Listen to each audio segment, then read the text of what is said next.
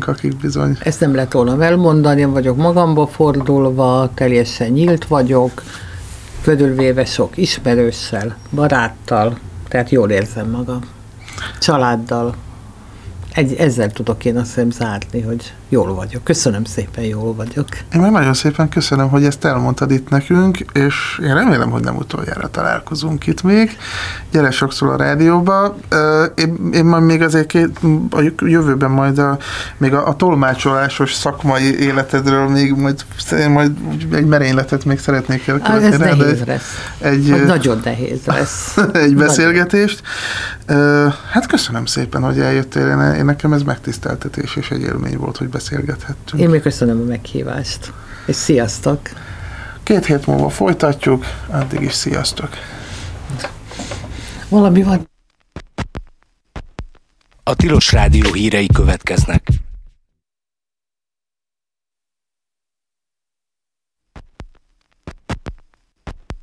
A Tilos Rádió hírei következnek.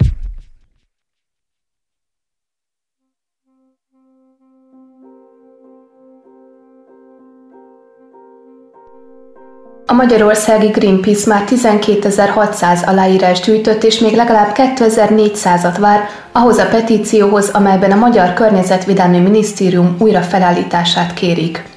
A petíciót a Greenpeace honlapján lehet aláírni, ahol megtudhatjuk, hogy a környezeti problémák mellett az is fokozza a megoldás sürgősségét, hogy a természet és környezetvédelemben dolgozó szakemberek csak nem felét nemrég elbocsátották az Agrárminisztérium környezetügyért felelős államtitkárságától.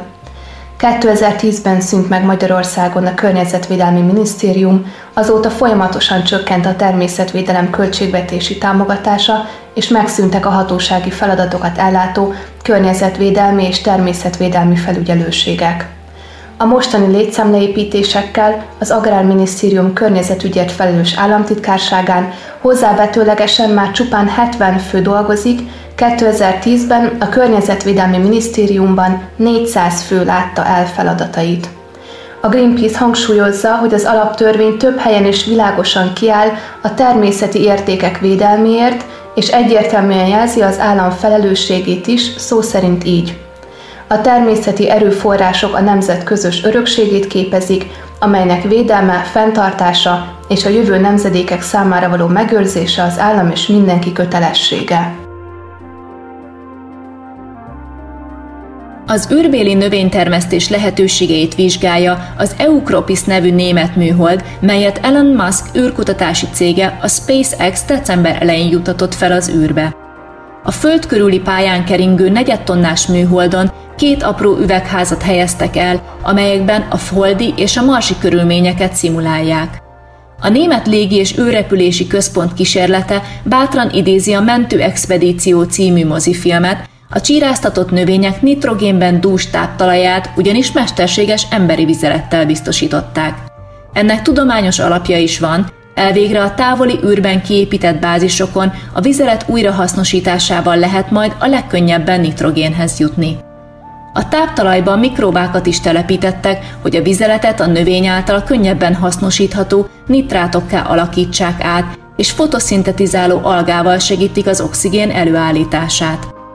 Az Eukropis projekt célja egy skálázható méretű zárt növénytermesztő rendszer létrehozása, amely alacsony gravitációban is működik, olvasható az indexem.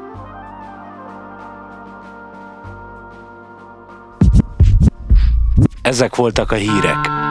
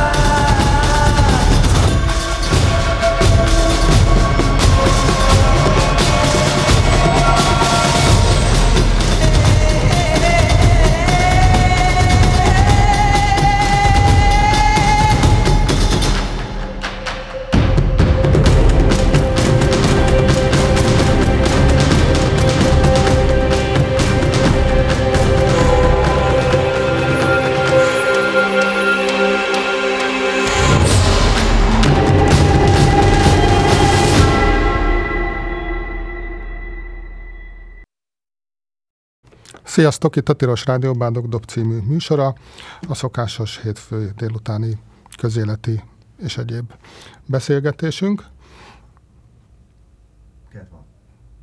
Persze, kedv van, igen. A sug, sugnak a, hát igen, nekem összekeveredtek a napok, sugnak a vendégek. Hála Istennek, hogy vannak vendégek legalább. A kérdezői tímet ugyanis most egyedül én fogom GG személyében, vagy nevé, neve alatt képviselni. A többiek vagy megjönnek, vagy nem. Arankát nagyon várjuk, de Aranka mindig később érkezik, de megérkezik. Um, Adástelefonunk továbbra is 215 37 73, erre várjuk a közérdekű és magánérdekű kérdéseket.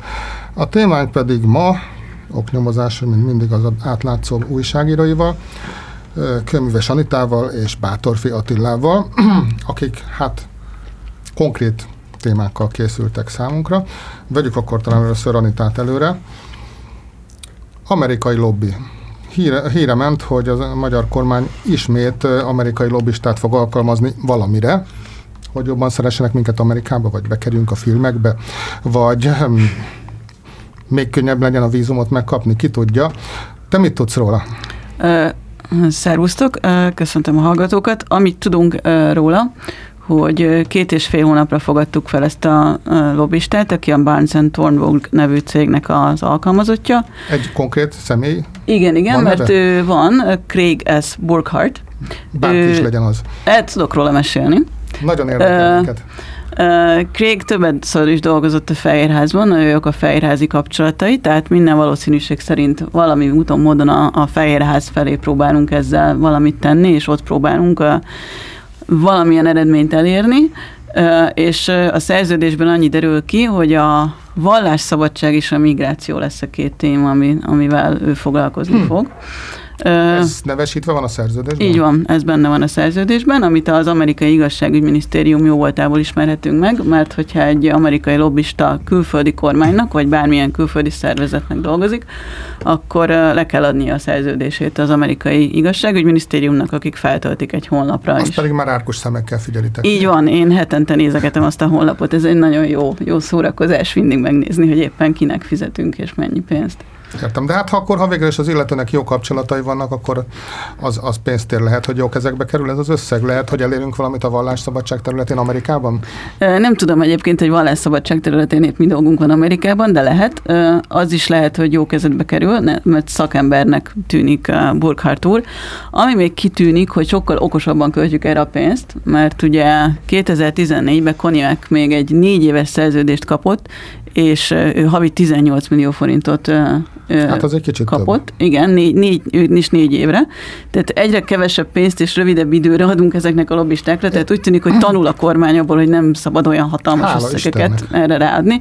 A következő az ugye ott izraeli lobbistáknak fizettünk 6 hónapra havi 12 milliót, és most ez a, az új cég, ez még kevesebbet kap, ők két és fél hónapra kapnak összesen 14-et. Hát lehet, hogy olcsó húsnak majd híg lesz a leve. Csak említetted, én is köszöntöm a hallgatókat, Bátor Attila vagyok, csak említetted, hogy valamit el akarunk érni, eh, az egyből meg, megragadta a fülemet, mert hogy mi az, amit nem ért még el eh, az Egyesült Államokban jelen pillanatban? Tehát, hogy mik azok a területek, ahol javítani lehetne. A hát erősen rávettük őket azért a migráció korlátozására. Igen, tehát ezt, Igen tehát ez hát. főleg a migráció érdekes, hiszen ott az amerikai kormányjal, vagy legalábbis az elnökkel nagyban egyetértünk, tehát ott uh, nem nagyon van elsimítani való konfliktus. De például mi lenne, hogyha a mexikói fal helyett kerítést építenének?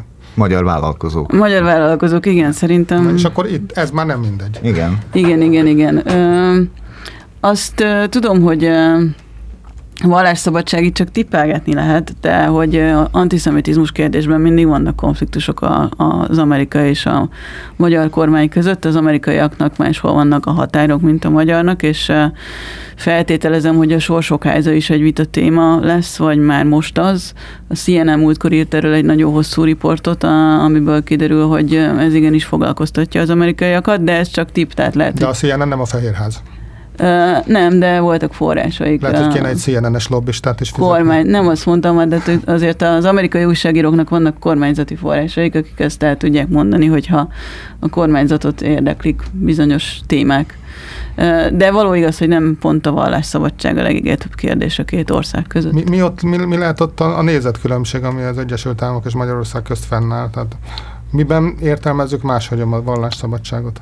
Hát ez az, hogy nem tudjuk. Ugye 2000 10 és 12 között voltak vallásszabadságügyi konfliktusok, nem is kevés, amikor a Magyar Egyházügyi Törvény ugye elvette a a, a bejegyzett egyházi vagy vallási státusz nagyon sok kisegyháztól és a parlamenti jóvágyás kellett, hogy abból újra, újra valakit egyháznak, valami egy szervezetet egyházként ismerjenek el, akkor ez egy nagyon súlyos konfliktus volt. Hillary Clinton is ezzel nagyon sokat foglalkozott akkor, de nem hallottam azóta, hogy ez súlyos probléma lenne. Ha már diplomáciáról beszélünk, arra válaszolj nekem, vagy azt próbáljuk meg belülni, hogy az Egyesült Államok prioritás sorrendjében mondjuk Magyarország hol helyezkedik el, mert én sokszor azt érzem, hogy az, úgy azt feltételezzük, hogy, hogy Amerika számára Magyarország azért még mindig egy fontos ország, miközben, miközben én kevésbé érzem ezt. Uh, fontos is, és nem is fontos. Egyrészt nem fontos, mert nagyon pici. Uh, másrészt meg nagyon fontos, mert Csengeni határon vagyunk, Fontos, mert, mert az Ukrajnával határosak vagyunk, és Ukrajna ez most egy iszonyatosan nagyon fontos pont. Fontos, mert EU tagállam vagyunk, és EU tagállamképp éppen bomlasztjuk az EU-t, már pedig ebben Vladimir Putyinnak a kedvére téve. Tehát az orosz közeledés... Hát a bomlasztásban azért csak a második hely a miénk. Igen, de ettől még ez őket foglalkoztatja. Foglalko- nagyon fontosak vagyunk, hiszen jelenleg mi blokkoljuk a Ukrajna és a NATO tárgyalásait. Uh-huh. És ezek miatt így... Azt, azt is egész könnyen meg lehetne oldani a nyelvtörvénynek a európai módosításával, vagy európai jellegű módosításával.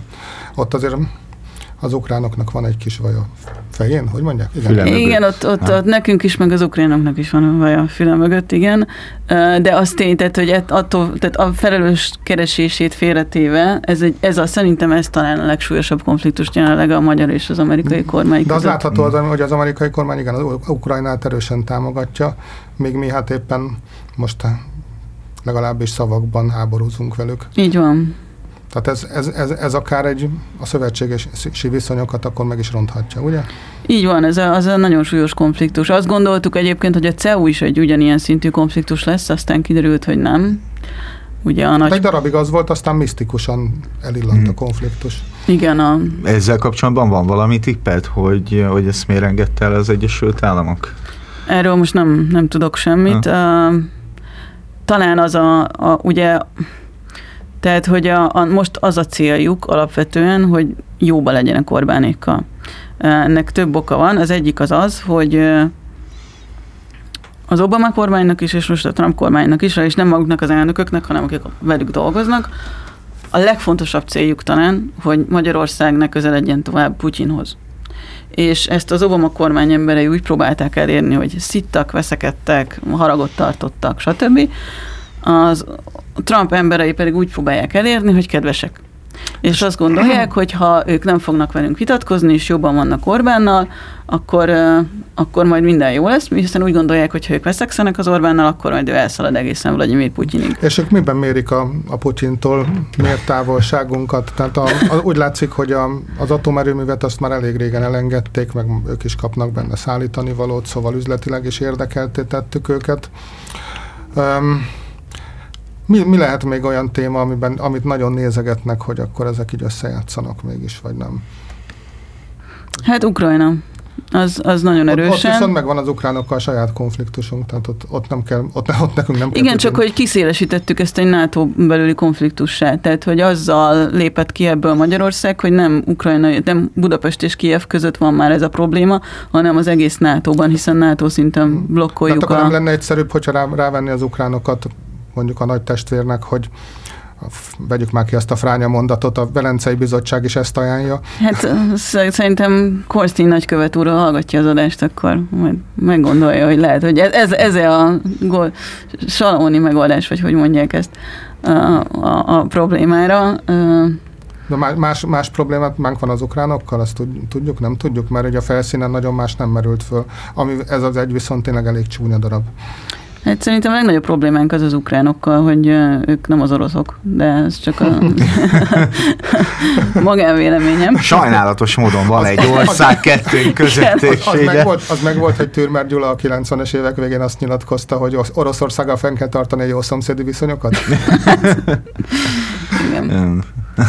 Úgyhogy igen, nem, nem tudom. És még azt sem értem egyébként, hogy ha visszatérjünk a lobbizásra, hogy a migráció témájában mit kell beszélgetni, hiszen teljességgel egyetértünk. Na igen, hát ezt Ah. elvicceltük ugye a ker- kerítéssel, meg a fallal, Igen, igen. azért ténylegesen valójában mi a jó eget lehet azon lobbizni. Nem tudom, őszintén, de az Semmi- is lehet, hogy csak valamit beleírtak ebbe a szerződésbe. Elképzelésem sincsen. Lehet, hogy csak beleírták a szerződésbe, azok- bele kellett írni valamit. Ezt nem lehet megkérdezni a magyar külügytől? A magyar külügy nekem nem válaszol soha semmire. Én nagyon sok, vagy va- nagyon sok kérdést szoktam küldeni a magyar külügynek, és át, nem általában gyakorlatilag mindig válasz nélkül maradok. Írd alá, hogy magyar idők, és akkor... Le, tényleg, tényleg. Egyszerűen nem válaszolnak nekem, és ez, ö, ez nem csak, hogy bosszantó, ez törvénytelen is, hiszen válaszolniuk kellene az újságírók kérdései. Jól tudom, Attila? Igen, 15 napon belül, 15 munkanapon belül válaszolniuk kellene, de hát ugye nincsen szankciója neki. Igen. Tehát, hogy nincs egy olyan végrehajtási rész a törvényben, hogy mit tudom én, ha nem válaszol, akkor 30 ezer forintra megbüntetik a nem tudom, külügyet, vagy mit tudom én. Tehát, hogy nincs, nincsen számon kérhetősége a törvénybe tartásnak. Viszont a Gábor kérdezte, hogy eh, közben eszembe jutott egy kiváló ötlet, nyilván nem kiváló ötlet, de mi van akkor, hogyha tehát a migrációból most már azért egy globális probléma, nem csak egy európai probléma feszült, hanem van, van egy ENSZ. ö, Igen, és ott is, és hogyha egyeztetett álláspontunk Így van, van, pontosan. ugye? Erre gondoltam most így hirtelenjében, hogy lehet, hogy amiatt, hogy Amerika valamit vétózol már meg, hogyha egy mód van rá, vagy... De most valamit elfogadtak, amit meg se szavaztak, vagy nem tudom mi, vagy már Nem, csak nem egy félfüle hallottam, is- hogy át, átment ez a migrációs javaslat nélkülünk. Nem tudjátok? Nem, Nem nem, tudom, tudom, de úgyse úgy, úgy se Nem hajtjuk végre. Hallgattam, amíg Úgy, tényleg- úgy se hajtjuk Igen, végre. igen. szóval Akkor ezt most még nincs. hagyjuk. De a lényeg az, hogy az, az ENSZ migrációs javaslat csomagjából ugye az Egyesült Államok és Magyarország is távozott meg még néhány olyan kemény vonalas ország, mint Ausztria, jól emlékszem. Igen, Ausztria is. Nem, Igen. nem, Igen, nem, Ausztria is, azt láttam én És is. még, és még néhány. Nem. Hát, Mondjuk ez valószínűleg nem, nem a mi lobbing hatására, talán csak egy egyeztetés. igen. Jó, hát a, Anita szerintem tarts minket képben, amint megtudsz valamit, és ne. Mindenféleképpen. Nem, nem engedem. To- Várjuk, várjuk a továbbiakat, jöttök még ide, és akkor folytatjuk ezt a témát. Attila, te egy átlátszós fej- fejlesztésről szeretnél legelsősorban beszámolni, ami, ami hát ö, orderejét tekintve nagynak tűnik. Hát lehet, hogy kívülről nagynak tűnik, illetve az átlátszó mondjuk költségeihez képest is talán nagynak tűnik, vagy a kiadásaihoz képest. Szóval arról van szó, hogy egy teljesen önálló um, grafikai tím indult, amit az átlátszó finanszíroz, részben az átlátszónak is dolgozunk, részben pedig önálló projekteket is készítünk. Ugye az átlátszónak a hagyományos tematikája az korrupció üldözés, De mi- mit bűnüldözés. értsünk ez alatt, hogy, hogy karikatúrákat fogtok Putyinról és Orbánról készíteni, vagy valami? Az még beleférne az átlátszónak a, a hagyományos tartalmaiba. Nem tartom kizártnak egyébként, hogy ilyennel is fogunk jelentkezni. Minden, ami nem, nem abszolút közélettel foglalkozik, vagy külpolitikával, belpolitikával, közélettel, a közpénzek elszámoltatásával. Az első projektünk, és szerintem ez jól meg fogja világítani akkor a hallgatóknak is, hogy miről beszélünk. hogy Az első projektünk, ami kijött, az a Budapest temetőinek és a temetkezéseinek a történetéről szólt. Ez egy, ez egy többé statisztikai térképes anyagról beszélünk, illetve egy videóról azt lehetett megnézni, hogy a középkortól napjainkig hol voltak Budapest területén temetők. Em, De is ezzel, ezzel jöttünk ki. Ez volt az első anyagunk. És, és ez kimondottan ez ilyen grafikaorientált, Igen, nem sokat írtatok, hanem Kevés szöveggel, a inkább, inkább, ö, inkább, inkább a vizuális ö, elemek beszéltek helyettünk, tehát most ez, a, ez az irány, ezt megpróbáljuk, egy évre lőttük be a projektet, megnézzük, hogy egy év alatt hova fogunk tudni eljutni. Ez most három emberből áll. Mik a célszámok? Hány, hány ilyet szeretnétek csinálni? Milyen sűrűn? Hát voltak célszámok, és ugye abban a pillanatban, hogy elindult a projekt, már változtak is a célszámok. Tehát az volt belőle, hogy 12 hónapon keresztül havonta egy nagyobb anyag, e, aztán, bocsánat, havonta egy közepes anyag, és mondjuk én ezt a temetőset egy ilyen közepesnek gondolom. E, Negyed évente egy, egy valami nagyon brutál adatalapú, e, nagyon látványos vizuális elemekkel megcsinált sztori, e, illetve havonta többször valamilyen apróbb, e, apróbb adatvizualizációt fogunk készíteni. E, Hát kíváncsi leszek, hogy fogjuk-e tartani a, tudni a tempót. Um, de amit elkezdődött, egy három alapvető, alapvetően három tagja van neki, van egy fejlesztőnk, akit leigazoltunk, egyébként a Tumblr-ről igazoltuk le, Hoppá.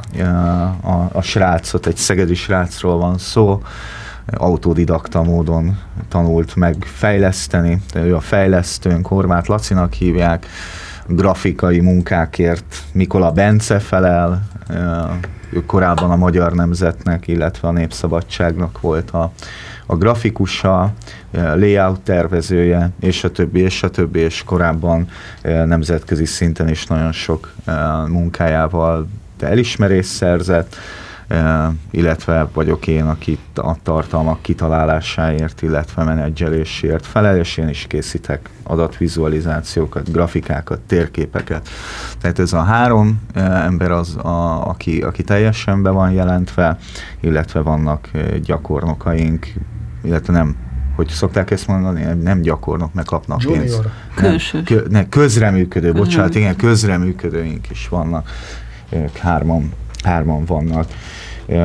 A finanszírozás az az SZIA 1 százalékokból van, és a supervisor pedig Maró Jákos és Bodoki Tamás, tehát ők ketten bábáskodnak, ők azok, akik ütik a fejünket, vagy nem tudom, seggünket, hogy gyerekek, most már itt, a, itt az idő a következőt gurítani, mert sokba kerül ez a projekt ahhoz képest, hogy milyen lassan készülnek. Milyen volt a fogadtatása a temetői anyagok? Visszajön az, hogy az emberek most már szívesebben nézegetnek képeket, mint A- szövegeket? A, a, nagyon-nagyon meglepően jó volt, mert nem gondoltuk volna, hogy ugye, tehát a, ez is cél volt azért, hogy olyan helyekre is eljusson az átlátszó ezzel, ahová korábban nem tudott eljutni, például a Blikbe, vagy a Esztergomi A főegyház. Blik átvette? a- Igen, igen, igen, átvette. Gondolom egy részét, nem az részét. Egy részét, igen, igen, illetve az Esztergomi főegyházban is megosztotta a Facebook csoportjában. Ugye van, van egy csomó ilyen hobbi csoport, aminek több tízezer adott esetben százezer tagja van, mit tudom én, Budapest történetéről szóló csoportok, városvédők, urbanisták, régészeti csoportok, ahol nyilván korábban az átlátszó nem tudott megjelenni nyilván tartalmak miatt, de most ezzel a temetős anyaggal meg, meg igen, és, és nagyon elégedettek vagyunk az indulással, a második projekttel is elégedettek vagyunk, szóval A következő nem- fázis a mémgyártás? De ilyen- ilyeneket nem, nem szeretnénk. Olyat, olyat szeretnénk csinálni, ami a nemzetközi nemzetközi grafikus társadalom, vagy ezzel foglalkozó szakemberek figyelmét is felkelti, mert egy idő után azért szeretnénk megmérettetni magunkat mindenfajta külföldi vagy nemzetközi design versenyeken, média design versenyeken, tehát ez a cél. Nyilván lépésről lépésre kell haladni, tehát holnap még nem fogunk egy olyan háromdimenziós holografikus adatvizualizációt készíteni. Ez, ez egy létező műfaj egyébként? A Van háromdimenziós, most... szuper holografikus Haj, igen, ezek már léteznek. Prezentációs. Igen, meg fizik... magában, az, magában az, az oknyomozó újságírásban? Nem, ott, ott, ott, ott, ott még nem találkoztam ezzel, de ha már szóba hoztad, van például a, a New York Times és a Washington Post nagyon mostanában augmented reality-vel kísérletezgeti, kísérletezget. Hát, azt hogy? Mit tudom én, van, van egy csoport, az a nevük, hogy Forensics Architectures, és ők például bűn bűnhelyszíneket teremtenek újra, vagy mit tudom én, hogyan omlott össze a Genovai híd, és akkor ezt ilyen bejárható módon, de egész, egészen fantasztikus, hogy, hogy miket, miket hát tudnak csinálni. Hát a projektek nem azt mondom, hogy mi el fogunk idáig jutni, Most sőt, nem, nem, nem benneteket akartam le.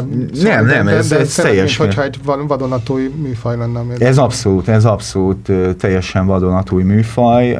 Hát mi figyeljük, hát nekünk egyelőre odaig kell eljutnunk, hogy mozgó adatvizualizációkat síkban meg tudjunk csinálni saját kóddal. Lépésről lépésre kell haladni, tehát nem vagyok türelmetlen, még akkor is, hogyha a kollégáim nyilván sokszor annak gondolhatnak. Egy év múlva azért már képesnek kell lennünk olyan dolgokat is csinálni, amire a nemzetközi szakemberek is odafigyelnek, de, de most, még, most még nagyon sokat kell tanulnunk. De be kellett lőni, vagy be kellett lökni, de akkor nem, nem, nem indult volna el soha a büdös életbe. És hát hálásak vagyunk a olvasóinknak, hogy áldoztak erre, bár ők nem tudták, hogy, hogy, hogy erre, erre is áldoznak, de... Nem árultátok, hogy meglepetés lesz? Nem, hát lett képezve egy, egy, egy, egy büdzsé a, az átlátszó, az egy, az egy százalékokból lett képezve. Ha, ha, ha, ez, ha ez tényleg ennyire technológia nehéz, hmm. akkor elárulnád, hogy milyen eszközökkel használ, dolgoztok? Hát egyelőre külső szoftverekkel dolgozunk, uh, hagyományos adatvizualizációs eszközökkel, tablóval, főként illusztrátorral, adatok terén Excel-lel egyébként, meg MySQL-lel dolgozunk.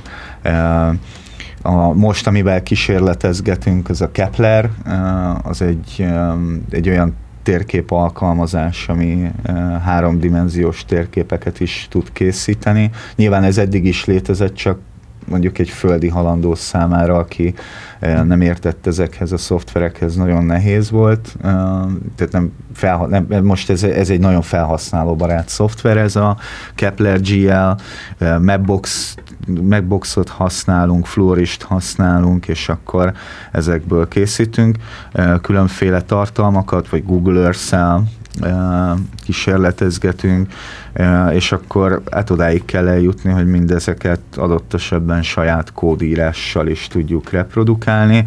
Ugye azért a legtöbb ilyen szoftvernek most már megvan az a, az, az előnye, hogy, hogy a kódhoz is hozzáférnek, tehát végül is tudjuk programozni ezeket a szoftvereket.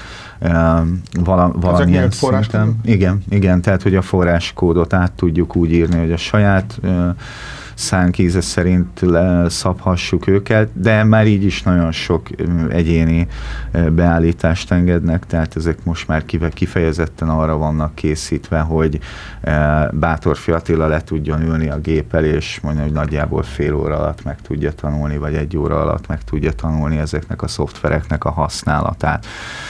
És ez mindenki számára tanulható. Illetve a YouTube tele van olyan tutorial videókkal, amikkel, amik alapján aztán tényleg a határa csillagosség lehet, de azért az igazi nagy profik tényleg saját kódot írnak ezekre, az, attól még messze vagyunk, azt hiszem. És hát az átlátsz az ugye egy adomány alapú non-profit szervezet, ennek ennek a, a műfajnak azért vannak piaci lábai is kint, tehát például ezt a csodahidat, ahogy éppen leomlik alattunk, mm. ezt, ezt valamiféleképpen val, valami piaci média cég csinálja, vagy, vagy, az, vagy ott is interműen az adomány dominál? Hát nem tudom, hogy az a modell, amiben ők működnek, szerintem ott a New York Times, vagy a Washington Postnak van arra... Hogy ők csináltak? Őt, e, igen, te ott, ott jelentek meg, gondolom ez valamilyen kollaboráció uh-huh. volt. Értem.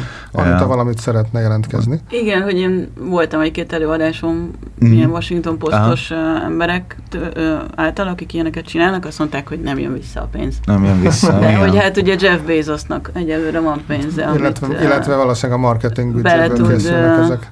Hát a jó reklám az újságnak, hogyha ilyen... Hát szerintem ez szerkesztőségi büdzsé, de hogy egyelőre azt mondták, hogy ők ezt bevállalják, és hogy hát, tudják, hogy nem hozza vissza a pénzt, de a presztízs fontos. Hát egy ilyet elkészíteni, csak tényleg gondolkodom mondjuk 8-10 millió forint egy ilyet elkészíteni. Tehát amit a, a, az a szint, amivel mondjuk a Forensics Architectures foglalkozik, az, az, az, az egészen elképesztő. Tehát, hogy és ott, ott, ott 20-30 ember dolgozik ezeken az anyagokon. Hát ezt kifizetni, ez... Akkor, ez, akkor akár az egy magasabb összeg is lehet. Akkor akár az egy magas, igen. Tehát, Tehát, gyakorlatilag most én nem láttam, csak tippelek, hogy Mhm. valószínűleg itt ilyen, ilyen filmszerű élményt adó dolgokig is eljuthatunk. Akár oda ahol, is, Ahova ja. a, a néző, olvasó, látogató egyszerűen behelyezi magát, és abszolút, abszolút, való, igen. virtuális valóságként igen. történnek azok a dolgok vele, amit néhány napja az újságban olvasott. Mm.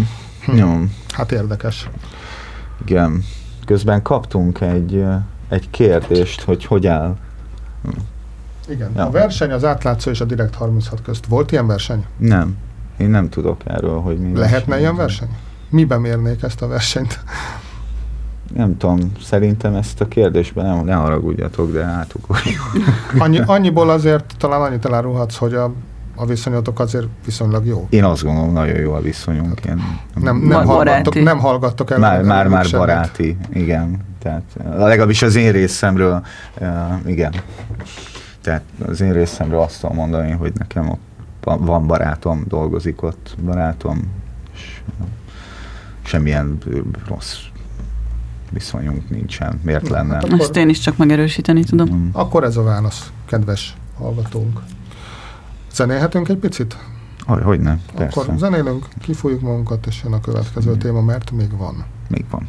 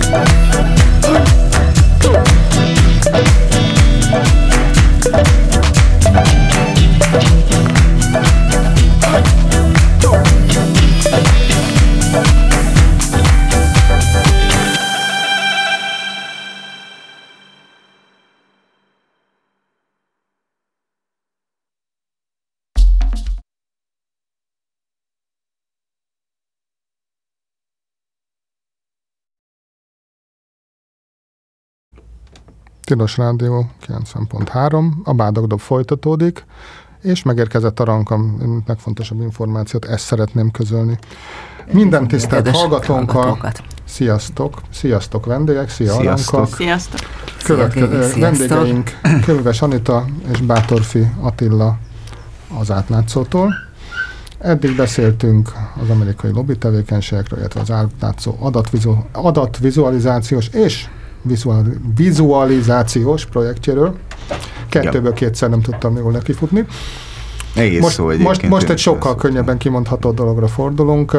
Szabad-e az egyetemeken politizálni? Az oktatóknak tették fel a kérdést a 888 hasábjain, amelyben a vitába, az idézőles vitába, mert ott nagyjából egyfélit mondtak. A főszerkesztő G. Fodor Gábor is markánsan beszállt azzal a tézissel, hogy hát itt ugye balliberális túlsúly van az oktatók területén, és ők pedig átmossák a hallgatók agyát, mint egy erőszakkal, ők védeke, a hallgatók védekezni sem tudnak, és előbb-utóbb kommunistává válnak. Vagy Nekem tanárom volt az eltén. Fodor? Vizsgáztam is nála. Persze, hogy Jó tanár, És ugye? politizált egyébként? Vagy? Tulajdonképpen Na ez a eh, jó kérdés. Ja. én úgy emlékszem, hogy nem. Akkor ez egy teljesen Mhm. fair felvetés volt a részére, hogy mástól is ezt Sőt, várja. én kifejezetten úgy emlékszem rá, mint eh, tudós, tudós Mhm. tanárra. Ellenben Hammer Ferencre azt sütötték rá, az egyik hallgatója legalábbis, hogy hát ő erősen tolta az úgynevezett balliberális propagandát. Miből is állt ez Attila, ezt szerintem emlékszel rá. Mit mondott a Feri, aki egyébként ugye punk Itt az énekes. állí, állítás szerint elhangzott a Hammer tanár úr szájából, nem merem ferizni azért a nyilvánosság előtt, nem kaptam rá engedélyt még. Hammer tanár úr azt mondta, hogy az RTL klub a demokrácia utolsó bástyája Magyarországon. Azt hiszem ez volt a legsúlyosabb állítás, amennyire emlékszem abból, a, abból az írásból, amit a hallgató beküldött a 888.hu-nak, Ehm, illetve az, hogy most már arra sincs pénz, hogy rendesen ki lehessen vetíteni valamit az egyetemben. Ez is egy politikai felhangot kapott, hogy nyilván áttételesen azért, mert az Orbán kormány tönkreteszi az oktatási rendszert és a finanszírozás miatt már erre sincsen pénz, hogy rendesen ki lehessen valamit vetíteni, mert elromol, elromolnak a, a projektorok. És uh, szerintem ez egy alapvetően érdekes kérdés, hogy szabad-e, lehet-e politizálni. Én, én, azt gondolom, hogy tehát az, azok a tantárgyak, amiket én az eltén, illetve a Metropolitan Egyetemen tanítok, ez újságírás, ott, ott egészen egyszerűen nem tudom kikerülni. Tehát majd, hogy nem muszáj, és bele vagyok kényszerítve abba gyakorlatilag, hogy beszéljünk aktuál, aktuális kérdésekről, amik a médiában történnek. És ami történik, tehát erre azért vannak elméletek, médiarendszer elméleteknek hívják őket. Ezek le vannak írva, deskriptív módon, azonosítva vannak különféle médiarendszerek, és hogyha aktuálisan történik valami a magyar médiapiacon, vagy a médiatérben, akkor erre szerintem érdemes reagálni, és érdemes róla beszélni, hogy ez milyen elméletbe illik bele. És milyen elméletbe illik bele mondjuk a kormányzati média holding? A kormányzati média holdingról nagyon sok mindent lehet állítani, de ugye van egy klasszikus elmélet, Ziebert, Peterson és Schrammnak a The Four Series of Press, a sajtó négy elméletek könyve, az 1956-ban jelent meg. Ebben a könyvben az addigi média történet tehát elemezték, és alapvetően négy típusú sajtó kultúrát vagy média teret azonosítottak, autoritert, libertáriust, társadalmilag érzékenyt vagy felelősségvállalót, illetve szovjet kommunista típusú. Ezekhez ők mind, mindegyikhez csatoltak, vagy hozzátették, hogy ez hogyan néz neki, vagy mik a jellemzői, és ez alapján szerintem nagyon könnyedén uh, beleillik az, ami a kormány közeli médiának besz, nevezünk, vagy kormánypárti médiának, valahol az autoriter és a szovjet kommunista típusú uh, médiarendszerbe illik bele. Most ez nyilván nem uh, megfeleltethető a teljes magyar médiatérre, mert azért egy me- vegyesről beszélünk, vagy kevert médiarendszerről beszélünk, nyilvánvalóan vannak független médiumok, a független médiumok között is több fajta van, ami ami vagy közelebb, vagy távolabb áll a, a, a kormányhoz, illetve a kiszolgáltatottsághoz, tehát abban sem lehet azért olyan tisztán mondani, hogy és akkor ezzel szemben pedig van egy libertárius médiatér Magyarországon, vagy egy társadalmilag felelősségvállaló, de hogyha kizárólag a kormánypártiról beszélünk, arra szerintem nagyon könnyen beazonosítható, hogy a szovjet kommunista típusú média, média rendszerről beszélünk. Igen, de van-e, van-e annak bármiféle előzetes tudománya, ami most vagyunk történik? Tehát hogy gyakorlatilag az utolsó néhány évben a sajtó alól a sajtó egy jelentős része alól egyszerűen kihúzták az üzleti szőnyeget. Tehát amíg, amíg a 2000-es években még ragyogóan megéltek a nyomtatott lapok hirdetésekből, az a 2010-es években már egyáltalán nem lehetséges, és hát az internetes portáloknak is egyre romlik a jövedelmezősége, a, akik nem tartoznak a nagyon szűk elitbe, azok már meg se élnek a bevételeikből. Tehát ez, ez a dolog nem független a piaci folyamatoktól sem. Már amennyiben, tehát hogy... Hát amennyiben az újságoknak nincs más lehetőség, az újságok tulajdonosainak, mint egyszerűen eladni a cuccot, mert többet pénzt nem fog termelni. Egy, egy jelentős részük. Eladni kinek? Hát az első arra járónak. Az első arra járónak. Igen, és közben még hallgatsz egy fél év közgazdaságtant, és sírra fakadsz. Tehát, hogy így a, belegondolsz, hogy mi lesz ebből. Hát, De mi lesz mondjam, ebből, csak... hogy el lehet-e kerülni azt, ami fele mondjuk a papírforma szerint tartunk? Mert hogy azt már, ha jól értelmeztem, sejtjük, hogy hol vagyunk. Hát ez, egy, ez egy másik kérdés, ugye erre is van, ugye a médiagazdaságtannak van válasza, Alapvetően a magyar médiapiac az ország méretét és a lakosság fizetőképességét tekintve egészen egyszerűen egy kétosztatú médiatérre van predestinálva. Valahogy a médiatörvény és az eredeti médiatörvény is ugye bizonyos piacokon, például a televíziós piacon két országos kereskedelmi rádiót engedélyezett, illetve két országos kereskedelmi tévét. Ez azért van, mert Persze. És ez a rendszer jól is működött például 2010-ig. Ez jól is működött, is. de hogyha az alapján lettek volna felállítva a kritériumok, hogy mit tudom én, minden áron muszáj három vagy négy nagy országos kereskedelmi tévének lennie egy ekkora piacon, előbb-utóbb akkor is kialakult volna, legalábbis a médiagazdaságtan szerint, akkor is kialakult volna a két szereplős, és most már azt látjuk egyébként, hogy például a rádiós piac nem bírna el két országos rádiót, nem tudna eltartani a magyar médiapiac, vagy a magyar fogyasztók, vagy a hirdetők, tehát az van, hogy méretéből is adódik, hogy egyébként amit mi ideálisnak vélünk, illetve nem mi, hanem például az Európai Unió ideálisnak vélne, hogy bizonyos részpiacokon négy-öt erős szereplő legyen, az egy akkora piacon, mint Magyarország, és egyébként Szlovákia, és egyébként Csehország eh, egészen egyszerűen eh, piacilag nem kivitelezhető. És akkor az a kérdés egy ilyen esetben, eh, hogyha a piac nem tudja fenntartani ezeket valamilyen oknál fogva, akkor az államnak milyen szerepe lehet például egy ilyen helyzetben, eh, vagy a közönségnek milyen szerepe lehet ebben a helyzetben. Na most ugye beszélünk Magyarországon egy olyan szabályozásról, ami, ami egy partikuláris média szabályozás, eh, ami azt jelenti, hogy eh, nem univerzalisztikusan tekint a médiapiacra, hanem különféle hogy is mondjam, csak kormányzati érdekeknek kíván kedvezni a döntéseivel, Ebből a szempontból ugye nem egyenlő feltételekkel versenyez ezen a piacon senki sem, szóval aki azt gondolná, az szerintem téved, hogy egyenlő feltételek lennének, akár piaci merge vagy fúziókra nyilvánvalóan nincsen, hiszen a múltban is volt már a média hatóságnak és a versenyhivatalnak olyan döntése, ami alapján megtiltotta eh, egy-egy vállalatnak az egyesülését, vagy arra kényszerítette az egyiket, hogy adja el bizonyos lapjait.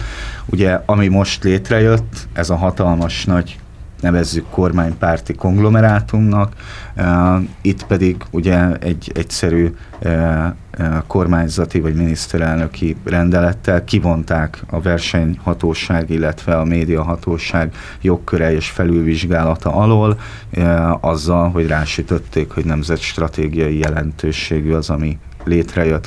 Ez ismét csak egy partikuláris szabályozás, még akkor is, hogyha nem a média hatóság vagy a média törvény szellemében történt. Hozzáteszem egyébként, hogy a média hatóság ettől függetlenül elindíthatná a, a hatósági eljárást, hiszen jogkörében áll, de valószínűleg nem fogja elindítani. Nem, nem is sem. tud róla valószínűleg hallja először, bocs. Valószínűleg tud róla, de azért tud olvasták róla. az újságban. Igen. De ugye ezeknek az eljárásoknak azért lenne szerepük, mert hogy egy ilyen nagy szereplő, és a médiapiacon nagy szereplők különösen jól járnak, tehát az egy ilyen óriási szereplő elég nagy mennyiségű hát reklámot tud a piacon magához vonzani Például. a többiek elől, tehát Igen. Ez, ezáltal jut erőfölényhez, nem csak azáltal, hogy mondjuk propagandát súlykol, vagy hamis híreket terjeszt. Most természetesen mindez csak feltételezés, nem tudjuk, hogy ez történik-e, de feltételezhető, hogy, hogy, hogy ez a lehetőség megvan. Tehát ezen, ezentúl akkor ezek szerint egy ilyen eljárás azért indokolt lenne, mert itt a verseny tényleg eltorzul olyan módon a piacon, hogy ez a szereplő jóval több bevételhez tud jutni a többiek rovására, igaz ez? Abszolút, és mondom, tehát ez jogában is áll a médiahatóságnak, függetlenül attól, hogy nemzetstratégiai jelentőségűnek van, van bélyegezve. Ugye a másik kérdés, hogy most már abszolút, tehát legalábbis ahogy én megfigyeltem a kommunikációban, itt már nem mint média termékekről beszél a kormány és a hozzá közel álló médiumok egy része, hanem valami, valami egészen másról, valamilyen kulturális jószágról, ami, ami több vagy más, mint... Akkor ez feltételezhető, a... hogy ezt az óriási céget lehet, hogy nem is tudják nyereségesen működtetni?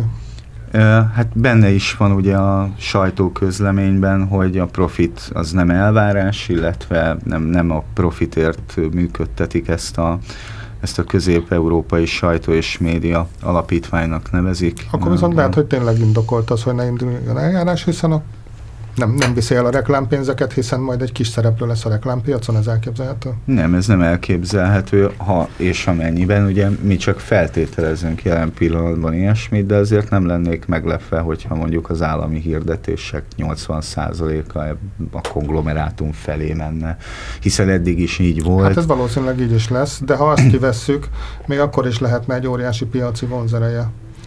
Hát lehetne, és szerintem lesz is, tehát a hirdetés a piac, piacon, hát ez egy nagyon jó kérdés, hogy mit fognak vele csinálni. Ha nyilván ha lesz sok, profit, akkor minek az állami hirdetés? Csupa kérdés. Csupa, csupa kérdés. Hát, hogy még több profit legyen. Hát visszaforgathatnák például innovációba, az tök szuper lenne például, hogyha innoválnának is valami, valami, igen, tehát azért el szoktunk azon gondolkodni, hogy engem ez bosszant föl a leginkább a, a, a többi közül, hogy például itt van egy közszolgálati média, amelyik most már ugye jövőre 94 milliárd forintból fog működni. Akkor. Hogy ebből a 94 milliárd forintból azért annyira nagyon jó dolgokat is lehetne csinálni. Tehát engem már rég nem izgat az, hogy, hogy éjjel-nappal megy a hülyesség benne, hanem az izgat, hogy ebből tényleg egy milliárd forintot, vagy kettő milliárd a forintot BBC. fordíthatnának értelmes, előremutató, innovatív, kísérletező médiatartalmakra is. Még azt sem mondani, hogy nem kell jónak se lennie, csak látná az ember, hogy kísérleteznek, hogy megpróbálnak a jövőbe tekinteni, vagy fene tudja, és, és nem, hanem csak a hülyesség megy, meg az ismétlések, meg a Szabó család. Tehát, hogy, és ez engem olyan méretetlen módon felbosszant a, a pénznek az ilyen mértékű herdálása, mert hogy mert hogy ott lenne, tehát érted, közszolgálati médiáról beszélnénk, eh, ahol iszonyat lehetőségek vannak. Eh, és, és szerintem nagyon sok embert egyébként vonzana továbbra is az, hogy a közszolgálati médiának dolgozzon, ehelyett pedig van egy állampárti közpénzből fenntartott 0 24 óráig ügyességet sugárzó valami. Kivétel, mit tudom, a Bartók rádió, vagy a Petőfi rádió. És a sportcsatorna. És a sportcsatorna, igen. Tehát ez a boss. Az Petőfi rádió csak egy kivéve a híreket, tehát hogy kivéve a híreket. Vagy, nem, az, mondjuk vagy, az, M, vagy az M3 a régi csatorna, a régi filmek? Nem, vagy, igen. Az M5 az oktatás, igen. igen. Nehéz. nehéz. Itt olyan jó lenne számon tudni, tartani, annyi csatorna van. Ja. Szóval lenne ott, lenne ott pénz egy, egy csomó érdekes dolog megcsinálására, akár online tényleg, de, de hát úgy látszik, hogy ilyen és hát Anitával kezdtük, és Anitával is fejezzük be. Igen, ehhez hozzászólhatok esetleg? Még ezt szeretné? Hát, hát akkor, nem, nem feltétlenül a médiához, akkor, hanem a politizáláshoz az akkor, egyetemen. Akkor, akkor most erre kapsz szót, és utána pedig rátérünk a te utolsó témára e, Jó, csak gyorsan akartam, hogy az Attila ott fogta meg szerintem a lényeget az egyetemi politizálásban, hogy van téma, amit egyszerűen nem lehet megkerülni, mert a világról beszélünk, és egy teljesen nem médiás témát szeretnék idehozni, hogy amikor én a tanárképzésben pedagógiát tanultam, és volt egy nagyon jó professzorunk, aki egy nap leült így a, a, a, a csoporttal, és elmagyarázta, hogy mi a különbség a, a, a magyar jobboldal, meg a magyar baloldal oktatás politikája között, és mit kell tudni arról, hogy NAT 1 és NAT 2 és, NAT 2 és a kerettanterv, és ezek mik voltak, és hogy sajnos a politikáról kellett beszélni, de iszonyú hálásak voltunk, mert végre megértettük, mi történik. Szóval, hogy néha egyszerűen beszélni kell az egyetemen. A típusra biztos szükség van, de most így hirtelen visszaterelted a szót, most az, az én fejembe is szöget ütött az, a, hogy az általam is nagyon tisztelt Hammer Ferenc pankinekes és professzor úr kijelentés, hogy az RTL Klub az a magyar demokrácia utolsó bástyája, ez ugye az ő statementje, és akkor tehát van, a, van az a kontextus, amiben ha ez elhangzik, akkor mondjuk a diák így elgondolkozik, hogy Nekem ezt a mondatot most vissza kell mondanom a vizsgán a tanár úrnak, vagy nem?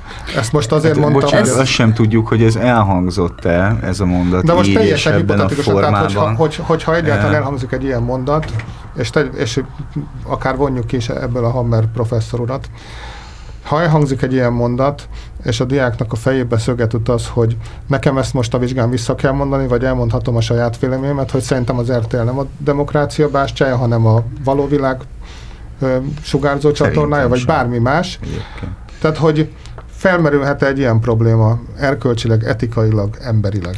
Ez, ez ja. Szerintem ez, ez alapvetően politikai kultúra kérdése, hiszen az a baj, hogy ez Magyarországon felmerül, igen. Magyarországon el tudjuk képzelni, hogy egy diák azt gondolja, hogy azt kell visszamondania, és nem lehet más a véleménye, mint a tanárának. És ezt sajnos én is el tudom képzelni, hogy ez valóság. Na de, ez de az Egyesült Államokból kapunk olyan híreket, hogy ott is a, a, a konzervatívok a balliberális egyetemi túlsúly pont, miatt hát lázadoznak. Pont ezt akartam mondani, hogy én amikor kicsit több mint tíz éve uh, először jártam ösztöndíjjel egyetemre Amerikában, ott teljesen más volt a benyomásom erről. Tehát ott volt demokrata diákcsoport, volt uh, republikánus diákcsoport, ők vitatkoztak, és amikor a politikai téma merült fel az órán, akkor nem arról volt szó, hogy nem szabad politizálni, és úristen, mi lesz velem, hanem, hanem egyszerűen a diák vitatkozott, mert ott megvolt ennek a kultúrája, tudják, hogy ők szabadok, tudják, hogy ellentmondhatnak a tanároknak, és ebből nem lesz semmi bajuk. És, és ott egyszerűen normális része a vita a, a, a, a, a, az egyetemnek, és, és fenkiben fel nem merül, hogy ez hátrányérheti a diákot. És persze jönnek ezek a hírek, ezt én is értem, hogy ez egy probléma, de ettől függetlenül az egy ezerszer szabadabb közeg ebből a szempontból. És ez sokkal... De azért ott volt olyan is, amikor szab... ugye ezt nyilván tartották, szépen listázták a, azokat a hogy mondjam, megszólaló vendégeket, akiket az amerikai egyetemekről ugye kitiltottak különböző módokon, és közöttük azért elég hát szoftos, konzervatív megszólalók is lettek volna, nem tudom, láttátok-e, néhány hónapja ment ez a lista. Tehát az, az ottani szabadság a tíz évvel ezelőtti az valószínűleg nagyobb volt, de most, mintha egy kicsit azért szorulna a hurok a republikánusok körül.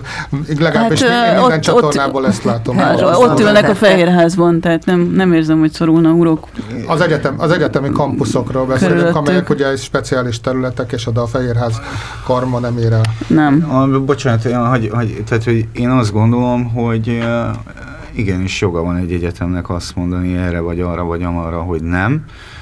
Méghozzá azért, mert ugye ez egy ilyen fals balansz lenne.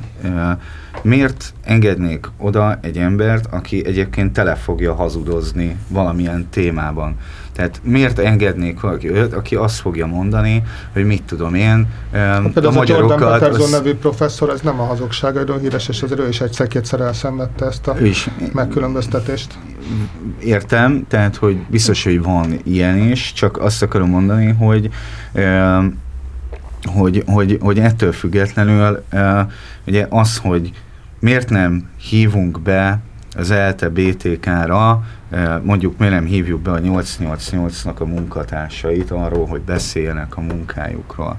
Azért nem, és bocsánat, most csak a saját nevemben beszél, tehát én azért nem hívnék be egy ilyen embert a hallgatóimhoz, hogy beszéljenek arról, hogy milyen a 888-nál dolgozni, mert azt gondolom, hogy ez az óra az újságírásról szól, ők pedig nem újságot írnak, hanem valami egészen mást művelnek, és a saját öndefinícióik szerint is mást művelnek, tehát ők politikai munkát végeznek. Ha lenne egy olyan óra esetleg, ahol arról lehetne beszélgetni, hogy milyen e, politikai aktivistának lenni adott esetben, akkor lehet, hogy lenne ott helyük, de egy újságírás órán nincsen helyük egészen egyszerűen, nagyon egyszerűen. És a politikai aktivizmus az újságírás területén című tantárgy megindítására nem látsz esélyt?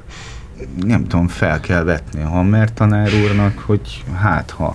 De értem, hogy miről beszél, azért hívjam be G. Fodor Gábort beszélgetni, hogy utána elmondja, hogy én egy, egy, egy balliberális mocsok vagyok? Vagy, vagy tehát, szerintem, hogy... szerintem ő kimondottan mondjuk nem szokott ilyeneket mondani. Van néhány olyan kollégája, aki, akiből ezt kinézem, de a, a, vagy, ahogy, ahogy az, az Aranka mondta, a G. Fodor, vagy, az, az szerintem a tudományos oldalát meg tudná ennek a kérdésnek. Akkor fogni. kifejtse az G. Fodor Gábor esetleg, hogy vég véget kell, te hagyjuk már ezt a hülyességet, hogy függetlenség, meg, meg neutrális újságírás, mindenki politikai nézeteket képvisel, mindenki valamilyen agendát képvisel, amikor újságot ír, illetve valamilyen, valamilyen De szerintem ez egy valid, valid álláspont, annak ellenére, hogy nem értek vele egyet, ezt lehet mondani.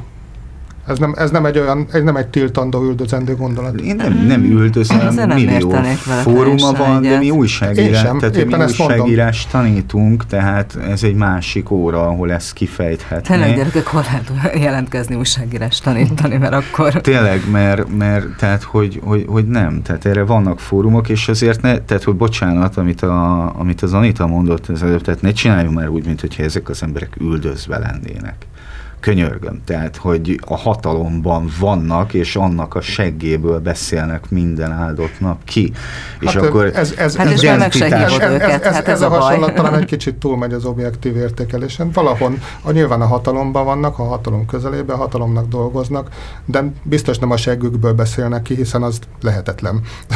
Jó, igen, ez egy képzavar Nem, hát az a legnagyobb ja. fájdalmuk, hogy, hogy nem hívják őket a hát másik a oldalról. az ugye oktatója volt ennek az egyetemnek, amíg egyébként egy csúnya a Corvinusnak volt, nem? Az eltének volt. Eltének. eltének Csak volt, amíg bocsánat, egy nagyon csúnya és szégyenletes eset miatt hát le kellett mondani, tehát egy tényleg egy megengedhetetlen cikk jelent meg az újság, ami, ami etikailag vállalhatatlan volt. A mai napig fönn van egyébként a neten, egy akkor beszélgessünk újságírásról. Te, tehát a, Fodor Gáborral ezek után. Tehát, hogy ért, tehát ez, de ennek ellenére én azt mondom, hogy, hogy, a, hogy, a, hogy a, ez a fajta diszkreditálás, mindenki követel hibákat. Szerintem megpróbáltuk elég sokszor. Én, megpróbáltunk nem, nem elég úgy gondolom, sokszor hogy, leülni hogy, hogy ki kell az emberekkel beszélni.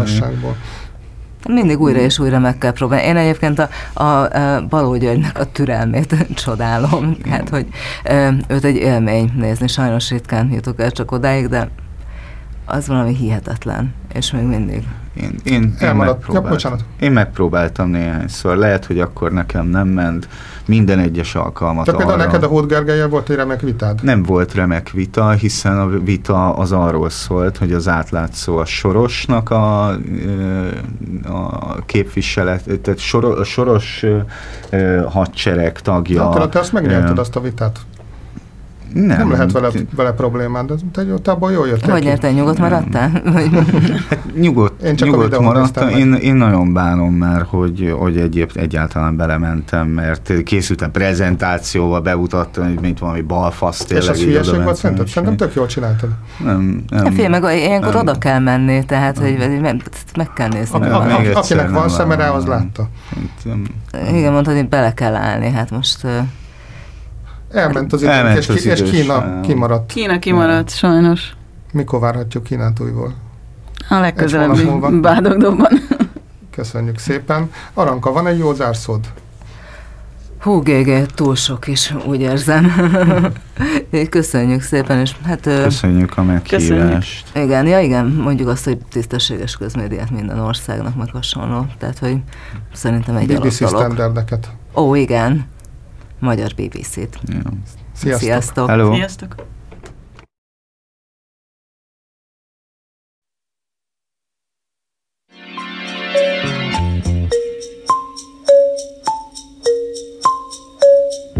A Tilos Rádió hírei következnek.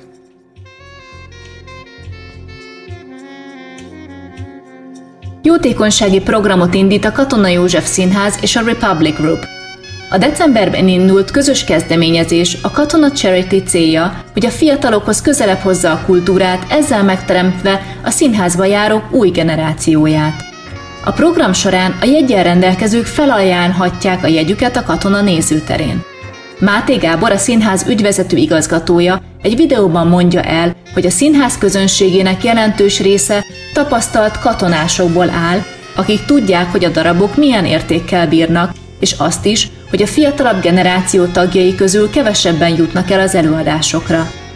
Most viszont lehetőségük van átadni a helyüket olyanoknak, akik kiszorulnak a színház termeiből, írja a kreatív.hu. A színház több színésze is, így Ónódi Eszter, Borbély Alexandra, Rújder Vivian és Tasnádi Bence is átad néhány jegyet a jelentkezők számára. Emellett a társadalmi célú kezdeményezéshez a kulturális szférában népszerű személyiségek is csatlakoztak. Felajánló bárki lehet, jegyre jelentkezőnek pedig 16-30 év között kell lennie. Az adott helyre regisztráló jelentkezők között a kérdéses előadás előtt sorsolnak, így kerül új tulajdonoshoz a jegy. A Los Angelesben található Jetty Múzeum vissza kell, hogy szolgáltasson egy 2000 éves bronzszobrot Olaszországnak, írta meg a 24.hu a The Guardian cikkére hivatkozva.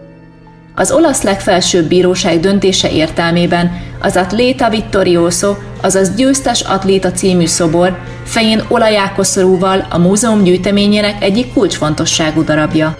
A műtárgyról úgy tudni, hogy az időszámításunk előtti 4. században élt Lysippos görög szobrászműve, bár egy újabb tanulmány szerint egy későbbi, az időszámításunk előtti harmadik vagy második századból való műről van szó. A szobrot olasz halászok találták meg az Adriai tengeren 1964-ben. 1977-ben a Jetty alapítvány vásárolta meg mintegy 4 millió dollárért egy német műkereskedőtől. Prima Primissima díjat kapott Nagy Csaba építész. Nagy Csaba az Árhikon stúdió vezető tervezője, nevéhez számos kiemelkedő projekt kapcsolódik, mint például a Palatinos fürdő felújítása, a budai vigadó rekonstrukciója, vagy az angyalföldi meséskert passzív óvoda. Legutóbbi munkája a még át nem adott Párizsi udvar, mely egyrészt rekonstrukciós folyamaton esett át, másrészt egy ötcsillagos luxusszállót alakítottak ki az emeleteken. Nagy Csaba a Budapesti Műszaki Egyetemen végzett építészmérnökként, majd ösztöndíjasként a Bécsi Képzőművészeti Akadémia mesteriskoláján tanult. Több épülete kapott Budapest építészeti nívódíjat, média építészeti díjat és egyéb elismerést. A tervező ébüldíjban és regionális primadíjban részesült. Olvashatjuk a díj honlapján. A bemutatkozó videójában az építész a csapatmunka és a közös gondolkodás elengedhetetlenségét hangsúlyozta, ahogy egy korábbi interjúban is. A jó terv záloga az, hogy mennyi szellemi munkát fektetünk bele. A kollégák egymást inspirálják, és a munkának is jót tesz, ha van ideje megérni, ha többen is részt vesznek benne. Jelmondata a közösségnek tervezni közösen. Egy-egy épület több száz embernek a munkája, érzései, tudása, tapasztalata.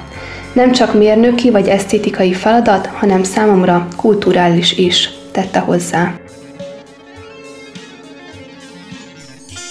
A világűr kutatása során először fog űrszonda landolni a hold túlsó oldalán.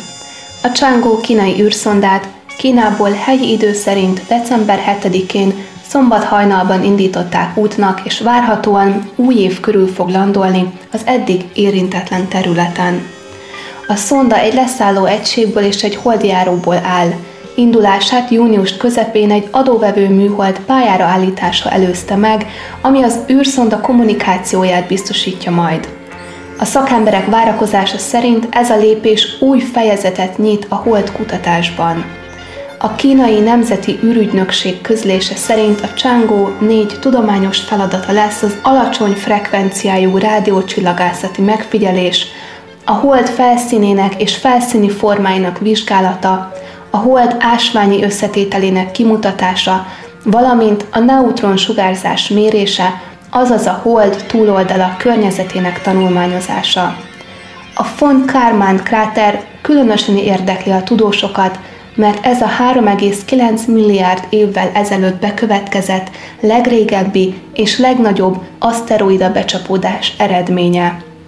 A hold kötött keringésű bolygó, ez azt jelenti, hogy a Földről mindig ugyanazt az oldalát látjuk, mivel a holdnak megfordulnia a saját tengelye körül ugyanannyi időbe telik, mint megfordulnia a Föld körül.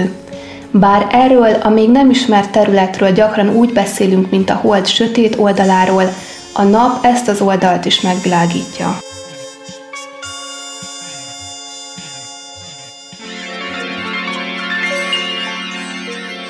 Ezek voltak a hírek.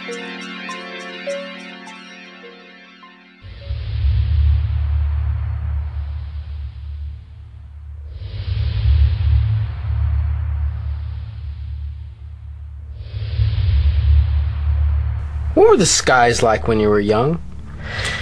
They went on forever. When I we lived in Arizona, and the skies always had little fluffy clouds in them, and uh, they were long and clear, and there were lots of stars at night. And uh, when it would rain, it would all turn. It, they were beautiful, the most beautiful skies, as a matter of fact.